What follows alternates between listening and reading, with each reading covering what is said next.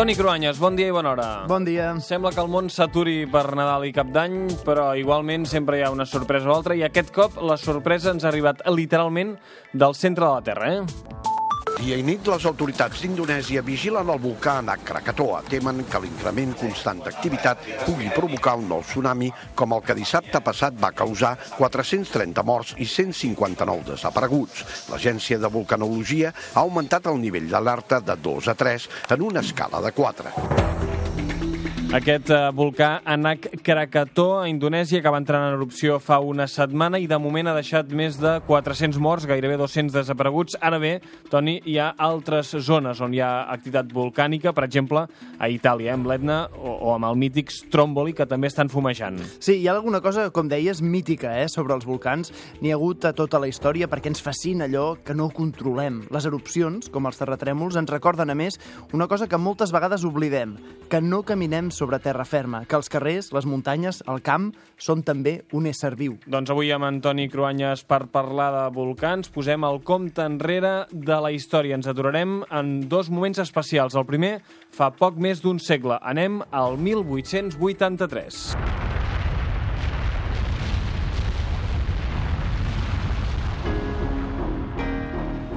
A les 10 del matí del 27 d'agost de l'any 1883, el volcà Krakatoa va provocar un dels esdeveniments geològics més impressionants de la història. Segons algunes versions, el mateix nom de Krakatoa ve del soroll del rugir d'aquest volcà que donava nom a la seva illa, entre Java i Sumatra, a Indonèsia. La seva explosió va provocar la mort dels seus 3.000 habitants, però també va enfonsar la meitat de l'illa. Tenia tres cons volcànics i el més alt feia 823 metres d'altura. Aquesta illa estava situada en una zona amb molta activitat volcànica. Sí, de fet, d'aquella explosió del 1883, a més de la desaparició de dos terços de l'illa, va néixer un nou volcà més petit que va rebre el nom d'Anak Krakatoa, que vol dir fill de Krakatoa, i és el que ha explosionat ara. Doncs mira, ja hem après una paraula, Anak, que vol dir fill. L'explosió del Krakatoa va tenir efectes arreu del món. Sí, la temperatura de tot el planeta va augmentar en un grau durant un any sencer a causa de l'efecte d'aquella explosió en la totalitat de l'atmosfera. Quan va explotar, diversos tsunamis es van desfermar per la potència de l'erupció. Vaixells a 20 quilòmetres de l'illa van veure caure cendra. Segons navegants holandesos, perquè en aquella època la zona estava controlada en bona part per la flota dels Països Baixos, que posseïen allà les seves colònies, doncs els holandesos van dir que les postes de sol es van convertir en verdoses durant mesos a causa de la quantitat de cendra. Això també va passar amb el volcà aquell islandès que fa uns anys va provocar desviacions de rutes d'avions i el tancament d'aeroports arreu del món. Sí, això va ser el 2010. Les cendres d'un volcà glaciar, de nom difícil de pronunciar, ho intento, eh? Ejafjallajökull, es van escampar a través del vent, van afectar durant setmanes el cel de bona part del continent europeu i part d'aquelles cendres van arribar a l'estratosfera, que està a uns 12 quilòmetres d'altura sobre la superfície de la Terra. Com que allà no hi ha pluges que puguin reduir o que puguin netejar les partícules, això va tenir un efecte refrigerador sobre la temperatura, ja que va tapar bona part de la radiació solar. És a dir, que a través de l'explosió d'un volcà va fer que hi hagués un canvi de temperatura i això encara en fa 10 anys. Doncs aquesta erupció va tenir lloc fa una dècada. De fet, els islandesos d'això en van fer souvenirs. Jo tinc una samarreta que diu quina part de Efjafjala Jokul uh, no, no comprens, uh, aquest uh, Jokul, que és, surt a tots els volcans de Wula, dic volcà en islandès. islandès. Ara, però, el que farem és tirar una mica més enrere. Tan enrere com uns 2.000 anys enrere, l'any 79 abans de Crist, en plena època romana, quan l'erupció del Vesuvi va arrasar la ciutat de Pompeia. Sí, Pompeia i també la veïna Herculà van quedar totalment submergides en lava i cendra i roques, algunes de pedra tosca. Uns anys abans ja havien patit un terratrèmol important a la mateixa zona. Potser per això no es van prendre prou seriosament els senyals d'alerta sobre què podia passar amb el Vesuvi aquell any 79.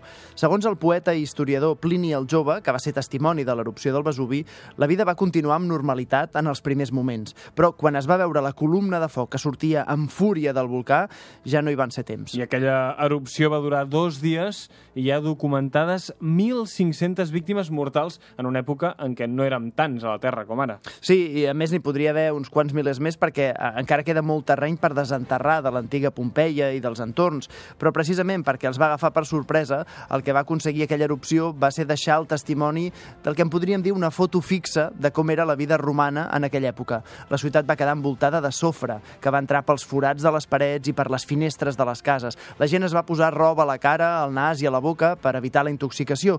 Quan no van poder més, van sortir de casa seva per respirar, però aleshores, enmig dels espais públics, és quan van ser víctimes de la pedra que el volcà llançava de forma violenta. I com deies, per això avui sabem com eren les cases, els carrers o, o la roba d'aquella època. Sí, tot va quedar cobert per una capa de lava, sorra i pedra, i gràcies als arqueòlegs s'ha pogut rescatar informació que després ha estat molt útil per als historiadors.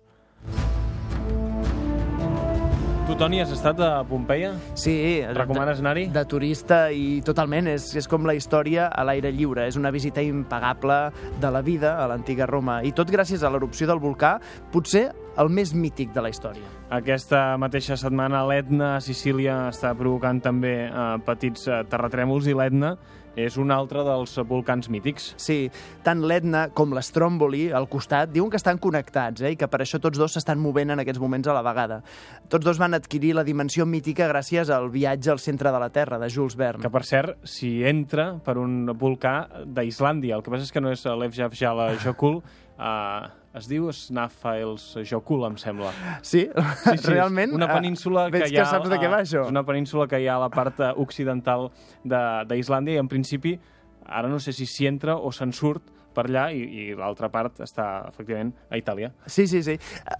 Entren per allà i després acaben per, per error a Stromboli, perquè van amb, un, amb una brúixola, però uh, apareix una, un foc, una llum, que el que fa és um, destrempar el nord de la, de la brúixola i, per tant, per error, acaben sortint per l'Stromboli. I, a més, uh, la proximitat de l'Etna a la població que viu a l'entorn del volcà, a l'illa de Sicília, a més, una illa amb molta història, moltes civilitzacions sobreposades, fa que encara estem més perquè una erupció violenta pugui tenir un perill que encara sigui present. La força de la natura, que ens pot arrasar, encara avui ens causa també fascinació. El huracán y una escala descomunal crecido en su arrogancia. Doncs, uh, Toni, arribarem a les 9 del matí, aquest matí de diumenge, en aquest últim diumenge de l'any al suplement, amb Bajo el Voltán, el Bajo el Volcán, ja ho direm bé, de Love of Lesbian. Ets oient d'aquest grup? Doncs la veritat és que no gaire, però vaja, si parlen de volcans avui ens va bé. Doncs mira, pots, uh, pots tastar-los i potser, mira, potser t'hi acabes enganxant. Bajo el volcán, Love of Lesbian per arribar a les 9 del matí.